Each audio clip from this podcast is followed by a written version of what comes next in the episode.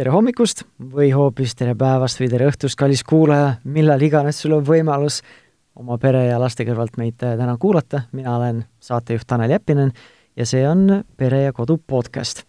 ja nagu kombeks on, siis ma ei ole täna siin stuudios üksinda, täna on mul külaliseks Tiiu Roosma, tere Tiiu!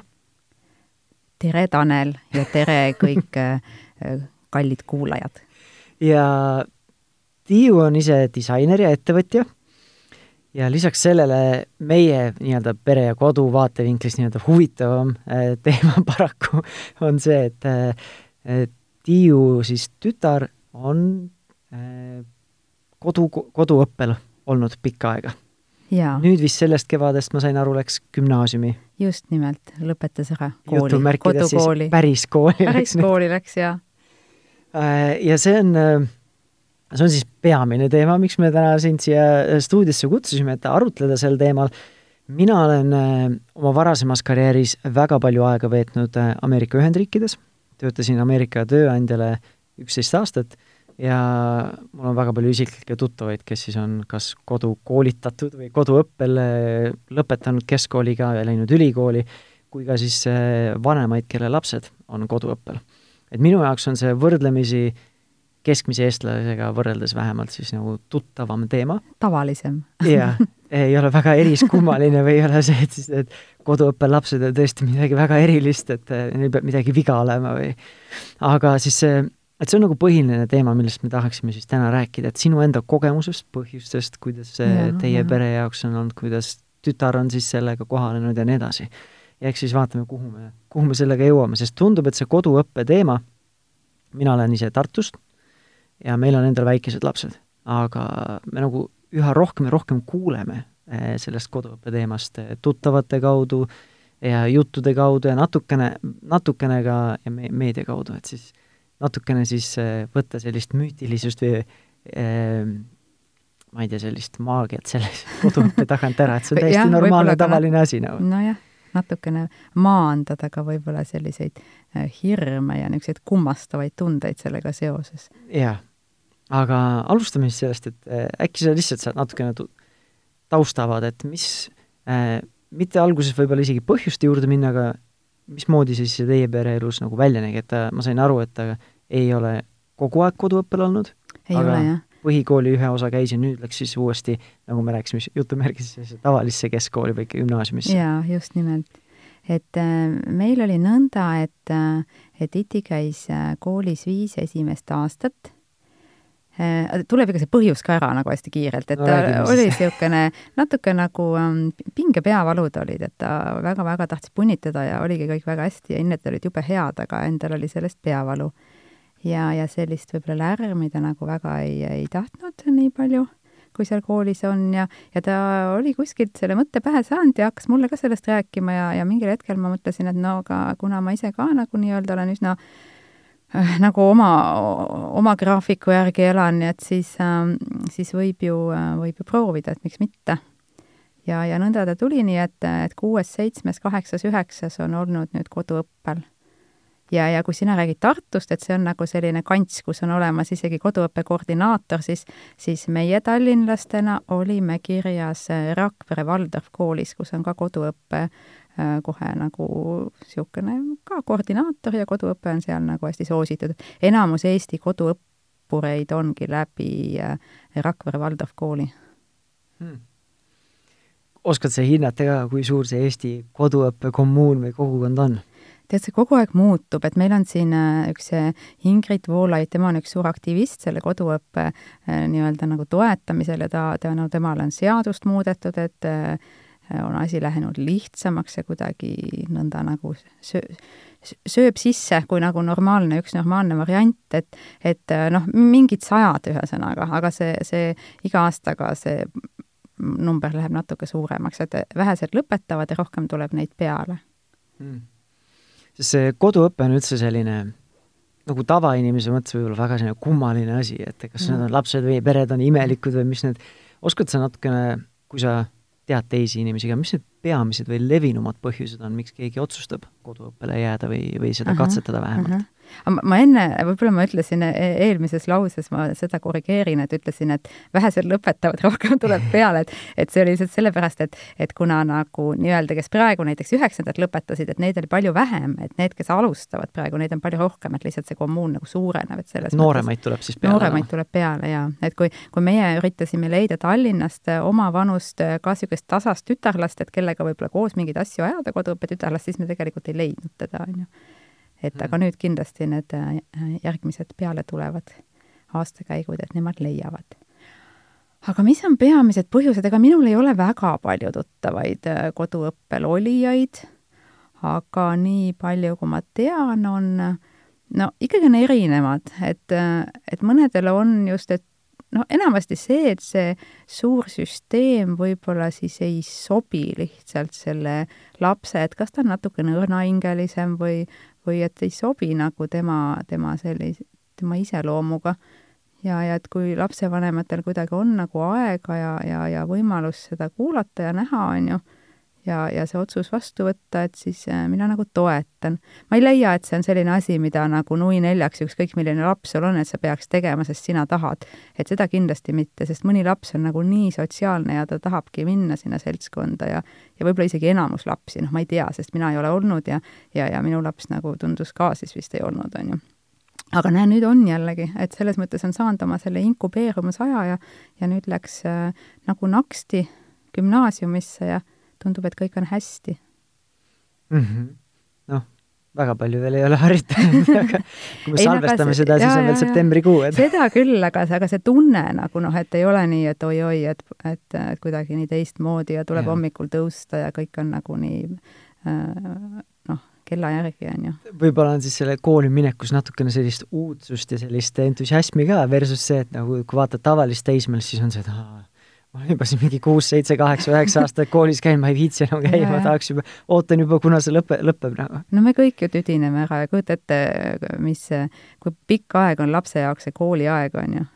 kui talle ei meeldi koolis esimeses klassis, ütled, oh ära muretse, ainult nagu veel sinu kolm eluaega, on ju, umbes, et. jah, kui sa oled, kui sa oled viieteistaastane, siis sa oled elust kaks kolmandikku käinud koolis no,. täpselt okei okay. um, et selles mõttes, et on vahva, et ma nagu ei ole ka seda meelt, et nüüd kõik peavad tegema või mingid kindlad kont-, mingi kindel laps või tüüpi lapsed peavad koduõpet tegema, sest see on loomulikult iga pere ja iga lapse enda valik. no mitte lapse, pigem pere enda valik, aga lapse siis sisendit võiks nagu arvestada. aga, aga see on vahva, et on selline võimalus vähemalt Eestis olemas, sest Ameerikas, nagu ma ütlesin, ma olen palju aega veetnud, et seal on see võrdlemisi populaarne. Aga samas ma tean Euroopa riike, kus see minu arust on isegi keelatud et, et selles mõttes on vähemalt tore, et on variant olemas. jaa, see, et variant on olemas, see on tõesti imeline. aga sinu enda kogemused, te olete nüüd teinud neli aastat koduõpet. Mm, jaa. et äh, sa natukene nagu rääkisid ka, et, et see on hea variant, kui vanematel endal on aega ja huvi. et räägime natukene sellest ajast, et see on üks sellistest äh, nagu hirmudest äh,, et nüüd, kui ma mu laps jääb koduõppele, siis ma pean töölt ära tulema, siis ma pean olema täiskohaga õpetaja, ma pean valdama kõiki aineid suurepäraselt, ajalugu, keemiat, füüsikat et see nagu, see on väga hirmutav, üks siis aja, aja poolest ja siis see ka, et nagu milline surve nüüd minul lapsevanemana peal on. et saad sa natukene enda kogemusest rääkida, esiteks sellest aja poole pealt ja siis teiselt poolt sellest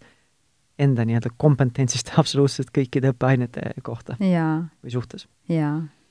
no aja koha pealt on nõnda, et kui sa ikkagi töötad äh, iga päev ja pead olema ära pikalt ja, ja siis peres kõik äh, täiskasvanud inimesed peavad seda tegema, et siis äh, noh, vähemalt väikse lapse puhul see ei ole nagu variant üldse, noh et siis sa ei saa jätta väikest last üksi koju, et vaata, kuidas sa saad, õpi veidikene, on ju.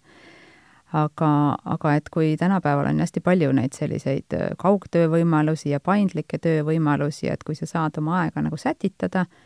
ja siis on see ikkagi teostatav, et loomulikult see võtab äh, mingisuguse ressursi sinu ajast ja energiast,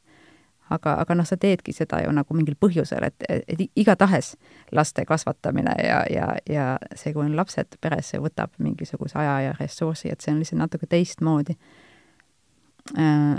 Ja noh, kindlasti on suur vahe sellel, kas äh, hakatakse koduõpet tegema esimesest klassist või siis mingil hetkel on see koolikogemus olemas lapsel ja, ja perel ja siis äh, võetakse äh, koduõppele. et mina ei oleks esimesest klassist alates seda nagu vist teinud et mulle kuidagi tundus, et noh, hästi palju teistsuguseid arvamusi on koduõppurite vanemate seas, aga mulle tundus, et ma nagu ikkagi tahan kuidagi näha, et kuidas laps selles süsteemis toimib, et ma ei ole koduõppele mõelnud, siis kui ta kooli läks, ma üldse ei mõelnud, et see tuli hiljem, aga ma tagantjärgi mõeldes, et ma, ma ei võtaks, ma ei paneks esimesest klassist lihtsalt, et oh, proovime, et lahe eksperiment. et äh, ma pelgaks just nimelt oma selle kompetentsiga, on ju, et mm. see vastutus on kuidagi äkki nagu nii suur aga siis, kui meil laps oli juba käinud, eks ole, mõned aastad koolis, siis ta juba nagu teadis, kuidas see kool on ja kuidas kogu see asi on. Ja siis tal oli tekkinud väikene ilmselt niisugune nagu noh, juba veits kopp ees ka sellest sellisest piitsa, piitsa järgi tööst, et et igatahes, kui me selle otsuse tegime ja siis äh, arutasime, et noh, et kuidas me hakkame siis, et kas äh, ma annan nagu iga päev õppimist või mingit nädala sellise rütmi või plaani, et et kuidas nii, siis ta võttis mult õpikud kindlalt käest ära, ütles, mul ei ole mitte midagi vaja, anna need õpikud siia. ma tean kõike, ma teen kõik ise see on väga hea. kui vana ta seda ütles? no see oli siis kuuendas klassis ta hakkas mm -hmm. ja koduõppele ja, ja ta oligi väga vaimustuses lausa mitu nädalat sellest, on ju. aga siis äh, jõudis kätte hetk, kui ikkagi selgus, et äh, oma vastutus on paganama raske, on ju. jube palju peab mõtlema, eks ole, mis ei ole võib-olla siis kuuenda klassi äh, lapsele nagu eakohane, on ju. aga noh, ma vaatasin lõbusat kõrvalt, et ega selles mõttes, et et mis siin, mis siin stressata, on ju, et, et mõni nädal sinna-tänna, on ju, ja ja ei, ta väga hoolega õppis ja nõnda aga siis ikkagi mingil hetkel, no me oleme muutnud neid nagu distsipliine ja, ja et, et siis ma hakkasin talle andma nagu nädalaga ette ja siis vahest nagu päevade kaupa, et, et ütleme nii, et need distsipliinid on meil muutunud paar korda õppeaasta jooksul. ütleme, no viimane aasta vist läks niimoodi kuidagi juba nii rutiinselt, lihtsalt vuhti läks mööda, siis oli see natuke see eksamite sooritamise selline äh, veits tekkis niisugune natukene närvilisem õhkkond ja siis, või no tegelikult, mis ta närviline oli, lihtsalt pidi väga konkreetselt keskenduma millelegi, on ju mm. -hmm huvitav, et sa ütled, et, et sina ei oleks julgenud esimesest klassist eh, panna. mina, mina ise just, mina, mul ei ole koduõppe kogemust, ma ei ole ise olnud uh -huh. koduõppel, ma tean peresid, kellel on äh, lapsed koduõppel, aga mul on lihtsalt see tunne, et palju hirmutavam oleks mul hakata koduõpet tegema mingist põhikoolist kui esimesest klassist, ma, ma olen suht enesekindel, et ma tean kõiki värvisid ja kujundeid, mida ma lapsele õpetama pean, aga nüüd, kui tuleb mingi, ma ei tea, keemia või füüsika, mingid põhiteadmised, siis on see, et siis ongi see, et ma olin keemias ja matemaatikas ja füüsikas väga hea koolis, aga see on ikka päris mitu aastat tagasi, ma ei ole neid mitu, mitu väga pikk, mitu aastat, võib-olla isegi üle kümnendeid varsti juba saab lugeda, ei ole neid kasutanud, et siis ongi see, et ega mäletan, kui ma olin ise ülikooli ära lõpetanud ja mul enda naise vend küsis abi keemiaülesannetega, ma käisin ise keemiaolümpiaadidel keskkoolis. Ja siis küsis mul mingi keskkooli keemiaolümpiaadi või keemiaülesande, siis sa ei mäleta, vaatan selle otsa, vaatan talle otsa, oh, see on lihtne asi, ma tean, kuidas seda teha. esimene reaktsioon, oh, see on nii lihtne, ma olen neid ammu, pimesilmi teen ära ja siis hakkad tegema, paned paberi peale pliiatsi ja siis järsku on see, et ei oska esimest sammugi enam teha nagu et siis äh, ma olen suht kindel, et ma jagan esimese klassi materjali. ma olen suht kindel, et ma sellega suudan hakkama saada, et, et mul oleks endal, mul on just see, et kompetentsi poole pealt, et ma, mul oleks palju enesekindlam sealt alustada Eh, tead, kompetentsiga on nii, et isegi eh, kui sa oled nagu superkompetentne, on ju, siis üheksandas klassis ja kaheksandas on su laps nagu nii kõvas puberteedieas, on ju, et kui sa üritad talle samal ajal olla ka matemaatikaõpetaja, on ju, kui sa oled lapsevanem, sellest lihtsalt ei tule midagi välja, vähemalt meie peres küll ei tulnud. et, et ma isegi arvestanud sellega, et, et ma need ained eh, ikkagi olen võtnud eraõpetajad, aga mitte niimoodi, et tal on kuvernant või et keegi käib kogu aeg, et ma ei ole esiteks nagu miljonär ja teiseks, teiseks noh, seda ei ole vaja. et hästi palju piisab sellest, kui ta, ütleme, veerandis korra käib äh, mingis aines eraõpetaja juures, kes üks-ühele talle super hästi selgitab ära, nii et sa näed, kuidas see laps tuleb sealt tunnist välja, selg on sirgu, silm on selge ja siis ta saab ise sellega edasi minna. et mina tegelikult ei ole, noh, oleks võinud, aga olin piisavalt laisk, et mina ei ole ennast nendes mainitud ainetes viinud uuesti tasemele, et ma olen siiski kasutanud äh, professionaalide abi ja see on noh, seda võib alati rohkem kasutada, on ju, aga, aga see on üsna mõõdukas äh, äh aja niisuguses raamis on see väga-väga tõhus. just nimelt, et üks-ühele selline konkreetne suhtlemine no kui palju seal koduõppes ikkagi sellist välist nagu õpetamist või tuge saab, et kas ega lapsevanem ei pea ju õpetajaks hakkama selle pärast või peab? ei pea, et kui me oleksime valinud, kuna see Rakvere Waldorf kool, mille alt me teeme seda koduõpet, tegime, et kuna see on Waldorf kool ja mul oli valida, kas siis äh, äh, meil oli valida kas siis äh, Waldorf äh, või siis äh, see meie nii-öelda teine riiklik suund, eks ole. ja kuna ma mõtlesin, et see kõik on nii uus-uus, ma seda Waldorfi küll ei luge-, julgenud võtta, sest et seal, seal noh, sa pead ise ikkagi enne käima nagu õpetajakursuselt läbi, see hoopis teistmoodi õpetajakursuselt, on ju, sest see on väga spetsiifiline, et, et, et, et seda sa lihtsalt peast ei tea, et seda tuleb õppida ja selleks mul ka noh, siis ma mõtlesin, et mul ei ole seda ressurssi lihtsalt, et et ma ka, et mis siis, et ma olen kodutööline ja nii, on ju, aga aga ma ikkagi ei saa päris äh, päevad veeta nagu kõikide ainete õpetajana. et mm, nii, jutt läks lappa, mida sa küsisid mul läks endal ka meelest ähm, aga nüüd äh, sellesama kompetentsi kohta, kas see lapsevanem peab õpetaja olema, siis kas ta peab noh, kõiki, kõiki teemasid jagama? mina arvan, et ei pea. et äh, peab olema selline hästi hea sparringupartner eelkõige. et äh, mis, mis, mis sa mõtled selle all? ma mõtlen selle all, et ta on nagu lapsele lihtsalt toeks ja noh, plaani peab kindlasti tegema, et see on nagu ette nähtud õppekava nii-öelda, on ju. aga siis selle sees sa saad nagu mängida ja lihtsalt äh, noh, see on üsna iseseisev töö ka lapsele, on ju, aga et sa oledki selline hea, hea, hea nagu tema mõtete ja, ja asjade põrgataja, et sa vaatad, et lased tal mängida ja siis, ja siis äh, tegelikult ikkagi hoiad neid piire, on ju, niimoodi kenasti mm. oi, nii kena äh, kõlab, ma ei ole väga hea nagu õpetaja, aga aga, aga selles mõttes, et kui see äh, laps on ise küps selleks heaks, selle, selle jaoks ja talle nagu sobib see isikutüübilt, siis see tundub tegelikult õpetama päris palju sellist vastutus, vastutust. et see ongi, see on, see on see, mis on minu ülesanne, ma pean ise nende asjadega hakkama saama, keegi ei ela mul seljas ja keegi ei kontrolli nüüd, kuule, kas sa nüüd kell kaheksa istusid seal koolipingis või mitte, on ju jaa, ei no eks see on üks äh, tohutu koostöö ja selline, ütleme ka mõnes mõttes ikkagi rõõmude ja kannatuste rada on ju, et et, äh, et um, õpetajat nagu peljatakse rohkem, ütleme nii oma ema-isa on nagu selline noh, veits võib nagu üle lasta, on ju. et, et et ikkagi natukene aeg-ajalt oleneb, kuidas niisugune eluperiood on, et tuleb ikkagi nagu mm, noh, meelde tuletada, et äh, lugupeetud noor daam, et teil on siin mõningad ülesanded ja kohustused täita, et et eks ta üks niisugune mm, paras jahmerdamine on. ja, ja just see, et teha omale äh, reeglid nagu hästi selgelt, meil ikka oli seina peal naelaga olid reeglid, need olid äh, kahe peale niimoodi poolaasta alguses kokku lepitud, noh, eks me seal kauplesime sinna-tänna, on ju, et lõpuks niisugune kirik keset küla, et kuidas meil selle internetiajaga on ja, ja et kuidas meil selle ärkamise ajaga on, et päris nagu elu lappama ei läheks mm. -hmm. et, et see, need reeglid on nagu hästi olulised, et siis nad on olemas, on ju, ja siis sa e igapäevaselt nende kohta ei pea nagu tekitama mingit vaidlusteemat, et mm. -hmm. ja see nii-öelda küsimus ka ära lahendada, et et see koduõpe ei ole päris see, et sa teed, mis tahad, et vaba voli teed, mis tahad või laps üldse ei õpi, et sa pead ikkagi mingit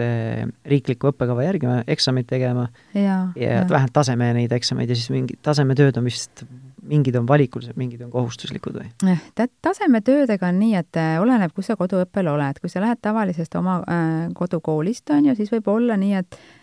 võib olla parem vahetada ära see kool, mille alt sa lähed, sellepärast et kui tavalises koolis ei ole ühtegi koduõppurit näiteks, see on nende jaoks nii suur stress ja nad ei, nad ei saa sellest üldse aru, noh, meie koolis oli küll,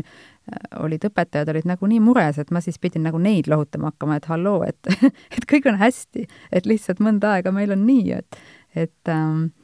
et ühesõnaga hästi hea on, kui nagu sa rääkisid, ka seal Tartus on niisugune koduõppe koordinaator ja ja siis äh, nemad tegelikult, see on sada protsenti lapse vanema vastutus, on ju, et tegelikult ei pea mitte mingisuguseid äh, tohutuid äh, kontrolltöösid ja asju see kool sooritama, et see on kõik lapsevanema vastutus, on ju, ja lapsevanemad, kes võtavad oma lapse koduõppele ju üldjuhul ei ole sellised, et oh issand, ma ei viitsi, noh, sellepärast, et me ei viitsi lihtsalt üldse nagu midagi teha, et nad ikkagi, pigem on nad nagu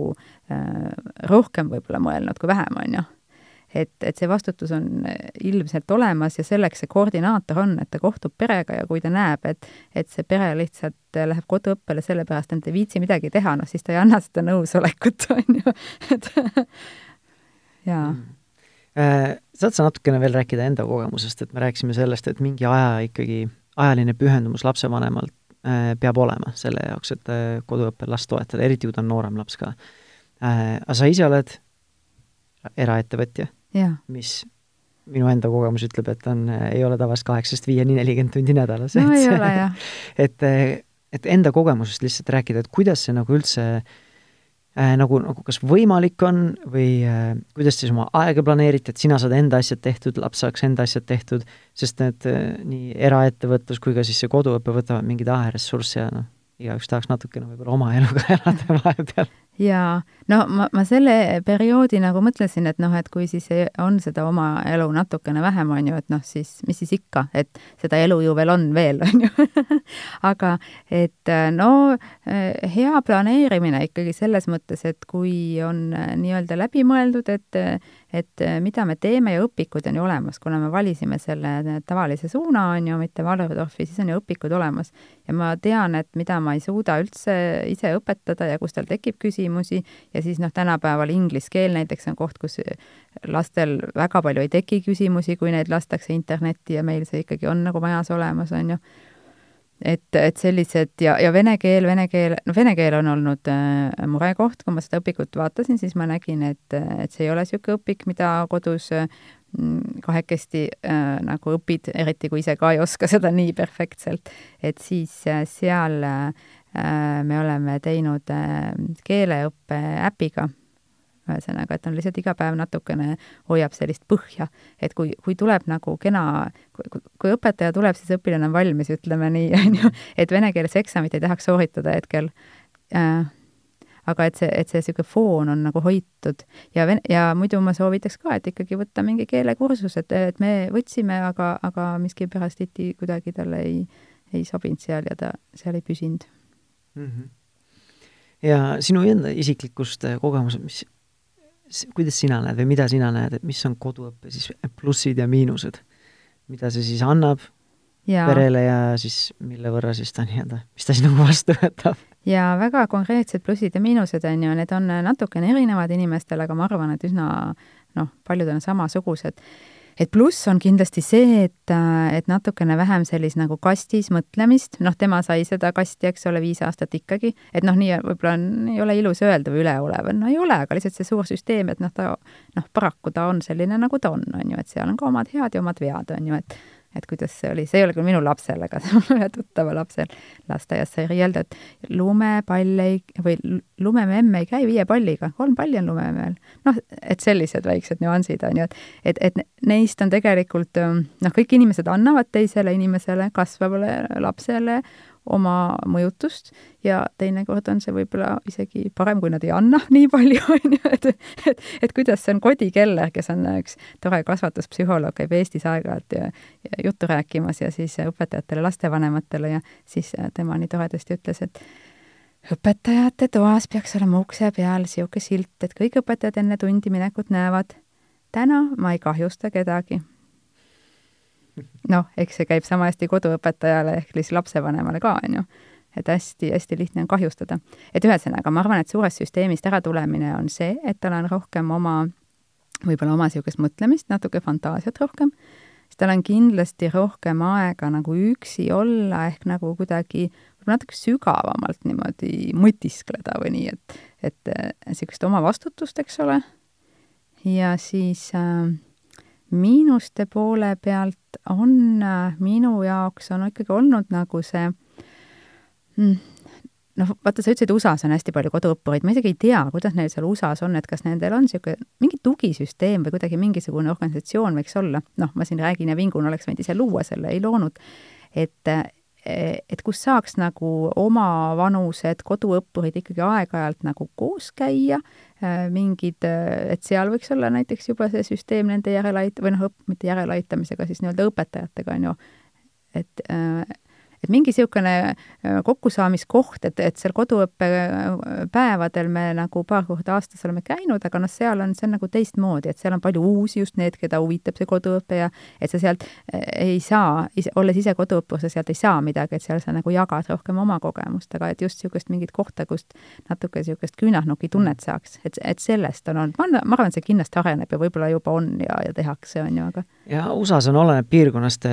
seal on küll selliseid nii-öelda koduõppegruppe, kus siis saadakse kokku ja no just, et, et õpetatakse läheb... spor-, spordiüritusi, spordiasjad ka, sporditrennid ja asjad, et mõnes kohas, mõnes osariigis saavad isegi koduõppele õpilased saavad äh, näiteks keskkooli spordivõistkondades mängida ja trennides käia. Aga meil Tartus ka, ma nüüd sada protsenti ei oska kõiki detaile öelda, aga on ka koduõppegrupp, kus vahepeal käiakse kokku, et kui näiteks mõni lapsevanem oskab ise väga hästi muusikainstrumenti mängida, siis tema saab lihtsalt muusika, muusikat või pilli õpet-, õpetada lastele, kui keegi on näiteks ise loodusteadlane, siis tema saab rääkida loodusest ja nii edasi õpetada. et nii-öelda nagu see nagu grupp yeah., kus, ma ei tea, inglise keeles nagu co-op, et kus siis äh, nii-öelda aidatakse ja keegi, kellegi, keegi jagab oma kompetentsi siis teiste õpilaste ja vanematega ja nii edasi ja, ja, ja siis, et võib ju ka käia neid, teha mingeid ühiseid selliseid äh, näituste ja teatrite külastamisi ja et, et lihtsalt see aeg, kui teised kõik lapsed on koolis, on ju, et see aeg lihtsalt äh, noh, et, et oma sõpru ei ole sellel ajal võtta. ja samas see õppimine koduõppega läheb natuke nagu kiiremini, et tegelikult on sul see päev rohkem vaba. jaa, see võib küll olla üks miinus, et sul, et sul ei ole nagu sõpru sest kõik sõbrad on kuskil koolis, sa oled üksinda. no, no vaata, meie puhul seda ei olnud, on ju, sellepärast et ähm, et, et see peavalu on ju, et mis see, mis see koolist ära tulema pani ja teiseks oli ta ka, et, et väga ei sotsialiseerunud. hästi tore kool, hästi toredad õpetajad ja õpilased, kõik olid toredad, aga ta kuidagi lihtsalt ei sotsialiseerunud ja, ja siis lõpuks on nõnda ja puudud ka on ju oma peavalu pärast ja lõpuks on nõnda, et, et et kõigil on lõbus, ainult sinul ei ole. noh, tegelikult mm. igal juhul on üksinda parem olla, on ju, et see on nagu kõige hullem asi minu meelest, mis olla saab, et siis sa lõpuks oled üheksanda klassi lõpuks võib-olla nii, küür on nii suur seljas, et see, see noh, seda on väga raske sirgu ajada, et et noh, selles mõttes personaalne lähenemine on ikka hästi hea. noh, ja sõbrad nagunii olid meil siis ikkagi ju naabrid ja, ja minu sõbrannade lapsed, kes olid sama vanad ja, ja õde, õde, õe-venna lapsed, on ju. et selles mõttes jah, et see teine küsimus, on ju, oli ka koduõppega, et see hirm, suur hirm ongi see sotsialiseerumise teema. ma ütlen, et sellega on nii ja naa. et, et koduõppele ikkagi paljud lapsed jäävad mingil põhjusel, on ju. et see ei ole mingi, et neil oleks midagi häda, aga see võib ollagi nii, et lapsevanemad tunnetavad ära, et ta nagu ei sobi võib-olla sellesse niisugusesse suurde lähmakasse keskkonda. ja, ja siis ta tegelikult, ta ei vajagi seda sotsiaalsust nii palju. ja kui ta on valmis, on ju, siis ta noh, on valmis lendama, et tulen veel ühe suure plussi juurde, et, et ma ei tea, kui tihe äh, nagu nähtus see on, et et üheksanda klassi lõpetav, eks ole, siis see viieteist-kuueteistaastane tütarlaps ütleb, et ma olen päris ilus. no ühesõnaga, et, et, et on puudunud see niisugune võrdlusmoment ja niisugune tohutu konkurents ja mingi umbes keegi ütleb ka mingi, sul on vinnid või ma ei tea, mis, on ju, et noh, ongi ilus, on ju, aga et see, et, et noor inimene seda ise nagu tunneb, minu meelest see on hästi suur asi ja ma natuke paneksin selle koduõppe, noh, võib-olla isaga, kes ütleb talle, et ta printsess on, aga, aga, aga natuke paneksin selle koduõppe sellisele jaa, see on äh, no millegipärast ma ise, ma ise jälgin palju rohkem USA podcast'i, USA blogisid ja, ja ajakirjandust natukene ka, et seal on see just põhikoolis on see väga suur väga suur teema, ma arvan, et Eestis on samamoodi just see teismeliste või eelteismeliste tüdrukute võrdlemine ja see mingi, just see natukene see sotsiaalmeedia võidukäiguga kaasa, et sa kogu aeg näed teisi, kes on ära tuunitud pildid ja nii edasi, et siis see iseenda väärtuses kahtlemine ja enda välimusega seotud erinevad ah, jah, noh, vaat, vaat häired, nagu. koduõppelaps ju seda kõike näeb, aga kuidagi jääb sealt võib-olla see, see koolist see sellele samale infole koolist äh, veel lisatagasiside saamine on äkki kuidagi, äh, võib panna niisuguse viimase põntsu, on ju, teised mhm. ütlevad ka, on ju või no ma ei tea. ja no ma ise vaatan kõrvalt, äh, sest nii palju, kui minul on neid tuttavaid, kes, kellel, kes on koduõppel lastega, siis paljudele meeldib just see ka, et see elustiil, et nad saavad ise oma, oma nii-öelda kalendrit kontrollida, et nad ei pea kooli vaheaegade järgi käima puhkustel ja, ja, ja olla ja, ja üldse ja, ja. oma elu, elu korraldada. see väga hästi sobis, et me ikkagi vahest käisime, olime niimoodi ära kohe pikalt-pikalt täiesti suvalisel ajal, et et hästi hea, et sa saad hoopis teise tempoga minna, sa ei pea olema kogu aeg nendes mingisugustes koolivaheaja nagu nendes niisugustes suurtes flow des, on ju, mm. et ja puhkusepaketid ka koolivaheaegadel kallimad ka, nii et säästad raha võib-olla ka. ja, ja, ja siis äh, on kõik kohad äh, täis inimesi, on ju, sest teistel on ju ka vaheaeg, on ju. Mhm. Ähm, mis põhiliselt selle sotsiaalsuse koha pealt ma tahaksin natuke ise ka tulla, et üks asi oleneb, kuidas keegi seda nagu võtab, seda sotsiaalsust. et äh, kui mina enda kooliaastatele tagasi vaatan, siis äh, et seda koolis seda lapse sotsiaalsed oskused, ma ei tea, kui palju need arenevad. et sa nagu istud lihtsalt koolipingis ja sa saad ma ei tea, kümme või viisteist minutit iga natukese aja tagant saad vahetundi, kus sa saad siis tegelikult sotsialiseeruda. et siis kui palju sa tegelikult sotsiaalseid oskusi arendad sellega. et ma vaatan, meil on äh, mõnus selline sisehoov Rida elamu peale, kus meil on kuus last, väikest last, kes on kõik mingi kahe kuni kaheksa aastased, erinevates vanustes, ja ma arvan, et seal lapsed suvel nüüd arendavad neid sotsiaalseid oskusi oluliselt rohkem, kui nad omavahel suhtlevad päev otsa, nad panevad ise, kauplevad, läbi, räägivad läbi, milliseid reegleid me täna siis sellele mängule paneme, et üldse lepivad mingi mängu kokku, võib-olla hoopis mõtlevad mängu läbi. Nad ise mm -hmm. räägivad läbi, ise mõtlevad, ise arutavad, le-, proovivad leida kompromisse, kauplevad ja nii edasi, on ju, kui vaja, keegi solvub, siis lähevad lohutavad, et uuesti mängu tuleks ma arvan, et need on olulised, palju olulisemad sotsiaalsed oskused kui see, et ma istun siis pool päeva ja kuulan ja noogutan ja pean kätt tõstma, kui ma tahan vetsu minna. et äh, just nende sotsiaalsete oskuste poole pealt. et seda ma saan aru, et jaa, sa oled nii-öelda sotsiaalses keskkonnas, et see kindlasti mingit väärtust annab, aga sotsiaalsete oskuste poolest, et ma ei tea, kas kool nagu õpetab sotsiaalseid oskusi noh, eks see koolisüsteem nagu areneb kogu aeg, on ju, et, et eks me katsume ka ikkagi tulla nii-öelda kes, keskajast välja, on ju, ja, ja et minu meelest Waldorf koolid on nagu hästi hea näide tegelikult, kuidas juba ikkagi noh, inimese individuaalsust või noh, mitte siis individuaalsust, aga tema arenguetapp etappe ikkagi nagu arvestatakse, et et sind ei võeta nagu liivakastist ära põmaki, ei lükata sinna lauda istuma ja hakatakse taguma pähe nagu mingeid numbreid ja tähti, on ju, et et see käib nagu orgaanilisemalt läbi mängu alguses ja et et, et noh, selles mõttes areneme, areneme, aga ruumi on. aga mm -hmm. siia lõppu mul tuli üks nii ilus lugu meelde, kui sa rääkisid, kuidas lapsed omavahel kauplevad ja teevad plaane ja saavad hakkama. ma räägin selle ilusa loo oli üks äh, naabrinaise juubel ja seal olid koos äh, suured ja, ja, ja väiksed. Ja mingil hetkel ma vist läksin tualetti või kuskilt kõndisin ja nägin, et lapsed, umbes niisugused üheksa, kümne, kaheksa-aastased möllasid seal. Ja nägin, et neil oli mingi seis, et ühesõnaga nad vati jäänud, nad olid mingisse nurka kogunenud, terve kamp oli neid. Ja siis äh, no ühesõnaga, mingi pahandus oli seal, ise nagu tegelesid sellega. Ja siis ma kuidagi nagu läksin, astusin paar sammu tagasi ja vaikselt küsisin, et kas ähm, on teil siin mingi probleem või on abi vaja ja siis üks, äh, oli ta siis kaheksa või üheksa või kümneaastane tütarlaps ütles mulle, Tiiu, ära sina sega vahele, meil on lastetüli. me saame ise hakkama. väga hea, kui saavad hakkama vahel võib lapsi natuke usaldada ka jaa, see on teine asi, et äh, usaldada lastele äh, nii-öelda oma asju klaarida vahepeal. jaa, ja ma arvan, et, et jaa, et koduõpe kindlasti kahjuks ei tule nagu sellisele niisugusele iseseisvu, iseseisvumisele mm. Nüüd, kui hakkame joont alla tõmbama, tahad sa ise veel lõpuks midagi öelda, mis on ütlemata jätnud, mis sinu jaoks on olnud oluline ja sinu, sinu enda kogemusest? või sai mm. kõik oluline öeldud? oota, vahepeal tuli üks asi meelde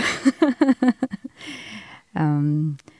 mured me rääkisime ära, rõõmud me rääkisime ära, noh, tegelikult see on nii suur teema, et, et äh,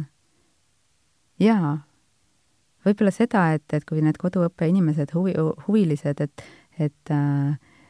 et moodustage selliseid tugigruppe ja, ja, ja, ja leidke üksteist üles, et see on, tuleb kasuks lapsevanematele ka kindlasti, mitte ainult lapsele. väga vahva suur,. suur-suur aitäh, et sa oma kiire elutempo kõrvalt leidsid aega, et meilt äh, siit stuudiost läbi tulla ja oma kogemust jagada. oli tore. Aitäh sulle veel kord. jaa. ja kuulaja sulle ka, et aitäh kuulamast ja selleks korraks ongi kõik. ja nagu ikka, kui tänane saade oli meeltmööda, siis äh, Äh, leiad nii-öelda meie jutumärkides arhiivist juba rohkem kui viiskümmend saadet ja need varasemad saated või podcast'id leiad siis kas oma podcast'i aplikatsioonist või äpist, oma nutitelefonist või Spotify'st või siis Delfi ja pere, Delfi ning Pere ja Kodu veebiväljaandest. ja